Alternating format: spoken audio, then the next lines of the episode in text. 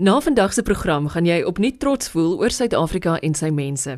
Jy gaan uitvind hoe ons ander lande uitstof met uitvoere en jy gaan interessante feite hoor oor Holland en hidroponika. Kom ek stel jou voor aan 'n landbouman in Murgenbeen, iemand wat daagliks sy liefde vir ons mense uitleef en wat baie deur sy leierskap gedoen kry. Omri van Sail is uitvoerende direkteur van die organisasie Agri SA. Sy besigheidskaartjie sê ons ontwikkel die landbou-industrie. Ek het hom gevra om in braaiviertaal vir my te verduidelik wat hulle doen. Ons is 'n federasie wat wat die belange van boere beskerm. So ons doen 'n klomp verskillende goed. Ons het tussen ons bedrywe in ons provinsies 28000 kommersiële boere.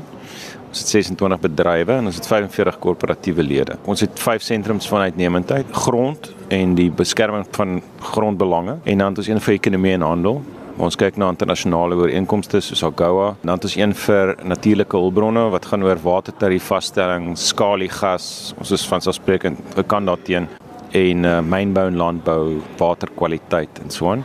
En dan het ons een vir maatskaplik en ontwikkeling waar ons kyk na nasionale minimumloon, migrerende arbeid, plaasprotokolle ensovoorts. En dan het ons ook 'n een vir veiligheid waar ons werksaam met Agri Securitas Trust om boere te beveilig en uh, ons boereverenigings doen aansoek en dan kry ons vir hulle twee rigting radio's, valhekke, kameras, drones, wat ook al hulle nodig het. En dan het ons ook 'n transformasie afdeling wat kyk na landelike ontwikkeling, grondhervorming en oplossings vir die sektor daarin. En op die vraag of hulle daadwerklik oplossings vind, het hy die volgende te sê: Ja, ons is. So een van die goed wat ons op die oomblik mee besig is, is ons besig om al die projekte op te skryf, transformasieprojekte waarvan ons weet. Van so sprekend binne ons bedrywe is daar ontsettend baie van hierdie projekte aan die gang alreeds al vir 'n paar jaar.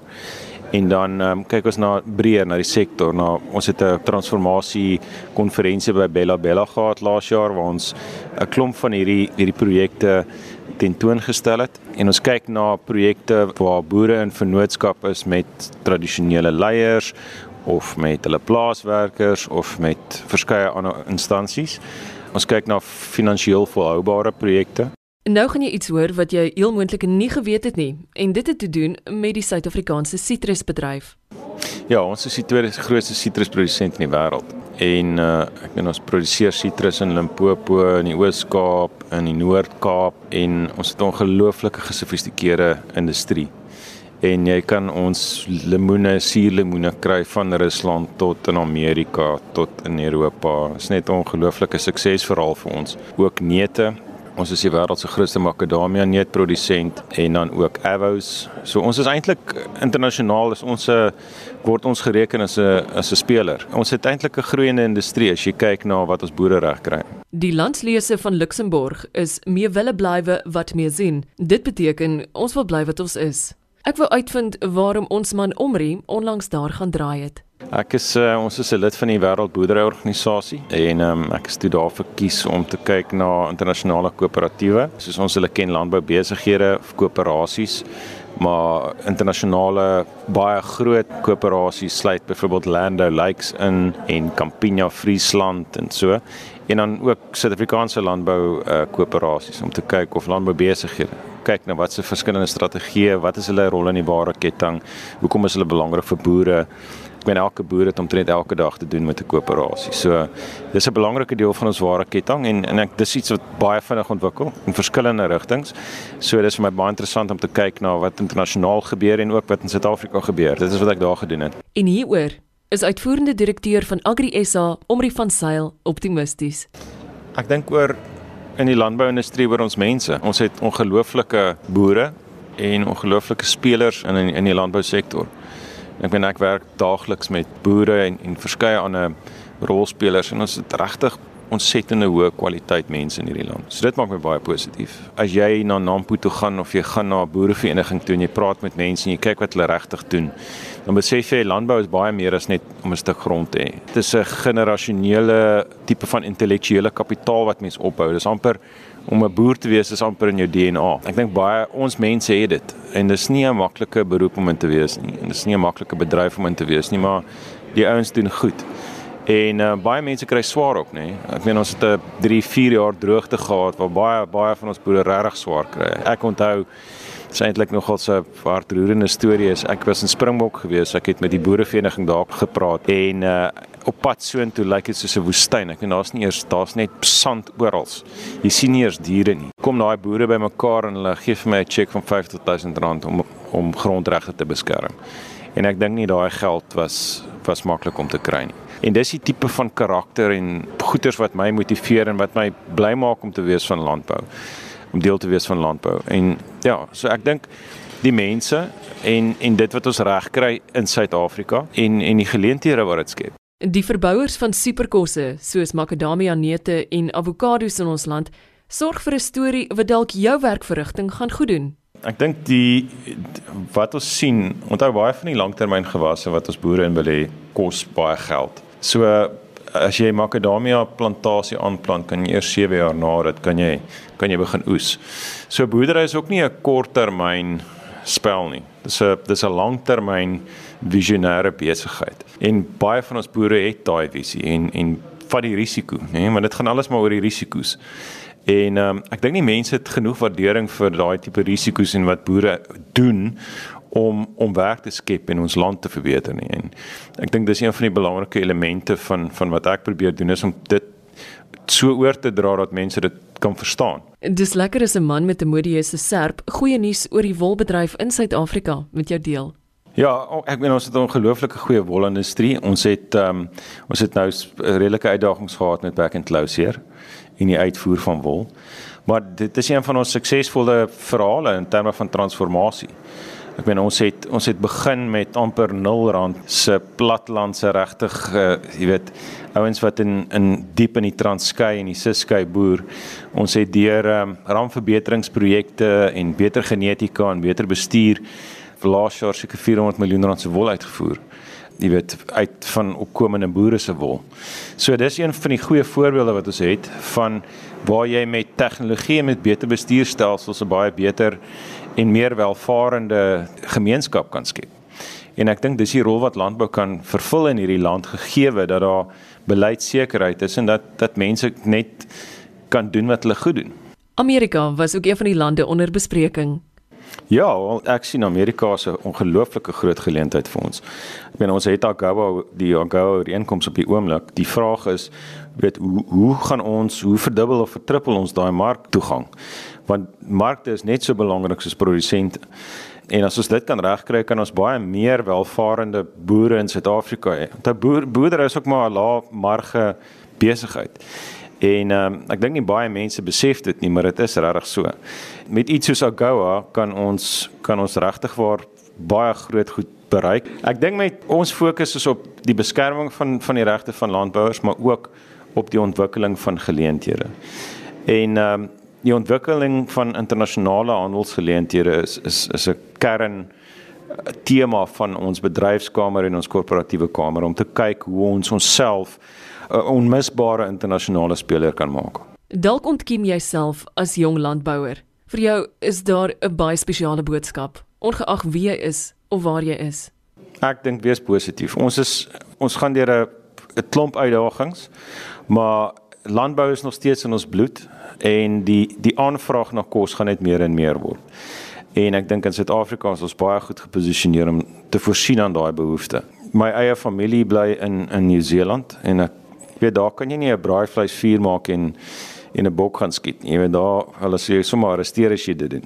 So ek, ek ons lewe in in 'n in 'n land met nog steeds baie geleenthede en en waar jy dit regtig lekker kan maak vir jouself. Uit 'n taal en 'n kultuurperspektief het is daar net niks wat vergelyk daarmee nie. En dit is iets wat wat ek gemis het toe ek oor see gebly het is om net jy weet in jou taal te kan kommunikeer met met ander mense en om grappies te maak en om jy weet goed te sê wat net jy kan verstaan is vir my ongelooflik.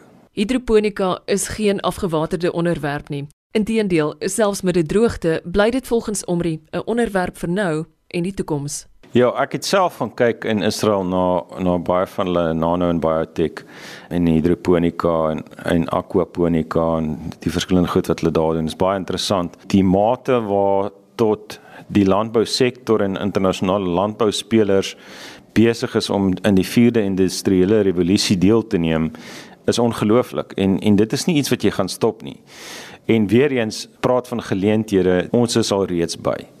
So ek dink al hierdie nuwe tegnologie en hierdie nuwe geleenthede gaan 'n huis soek vir vir 'n plek wat die intellektuele kapitaal het en wat die opvoedkunde het om dit te absorbeer. In enige kennisekonomie, soos byvoorbeeld in Japan of in Singapore of in Amerika, is is dit die diferensierende faktor. En waar ek verder positief is dat in Suid-Afrika het ons daai het ons daai kapitaal en dis iets wat ons moet koester.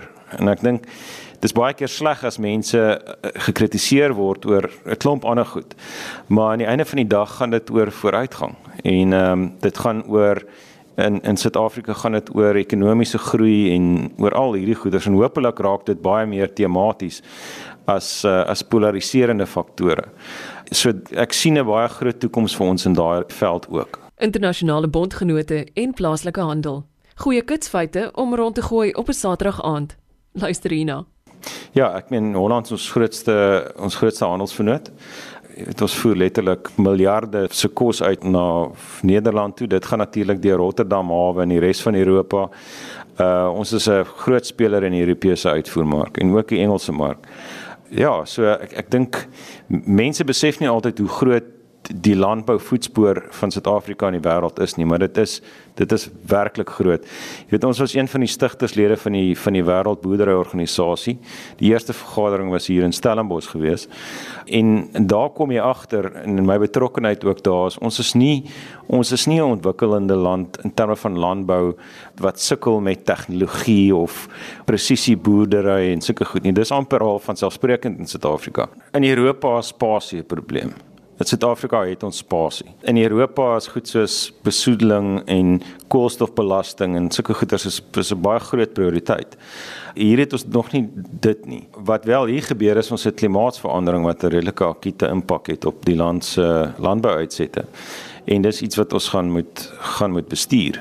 En so ek ek dink in terme van ons posisionering, is ons baie goed geposisioneer in terme van ons boere en die en die kenniskapitaal wat ons het is ons baie goed geposisioneer. So dit is goed wat wat ek dink uit 'n Agri SA perspektief uit is hoog op ons agenda om met oplossings vorendag te kom. En en ons is ook op 'n internasionale veld tog het ek nou al etlike gesprekke met die Amerikaners gehad, met die Europeërs gehad en dis 'n wesenlike agenda en dit dit sit op baie beleidsmakers se tafel.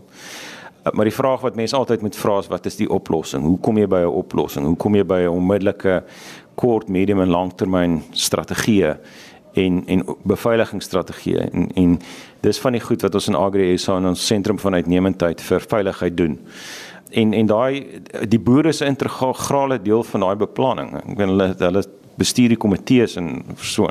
So ek ek dink die vir ons gaan dit oor die oplossings vir die land ons moet as jy in Suid-Afrika bly en jy is 'n Suid-Afrikaner en jy jy's trots op jou land en jou kultuur en jy wil hier bly, dan moet dan moet ons begin planne maak. Ons moet begin oplossings soek. En ek dink dit is dit is ons uitgangspunt. Omri van Sail is uitvoerende direkteur van Agri SA. Ek glo hom as hy sê ons moet meer in onsself glo. Ek dink weer eens kom dit terug by die mense. Weet ek praat met boere reg oor die land van van Sailsrus tot in Moreesburg tot in Kakamas en en die mense in ons land is spesiale mense dink ek. En die groot boodskap wat ek wil gee vir mense daar buite is ons moet glo in onsself. En alles wat in sport, alles wat in jou besigheid, ons het die heel heel beste mense hier. Ons moet onsself back, soos hulle in Engels sal sê. En ek het baie internasionaal gereis en gewerk. En nie net is ons mense baie aanpasbaar nie, maar ons is ook taai. En ons ons is ouens wat wat glo en ek glo dat ons dit kan doen. Ek wil graag nog stories soos die met jou deel. Stories oor mense in ons land wat jou gaan laat met 'n glimlag op jou gesig en dalk selfs met 'n lied in jou hart. Vind dit op www.rsg.co.za. Baie dankie dat jy saamgekuier het vandag. Ek's Eloise Pretorius. Totsiens.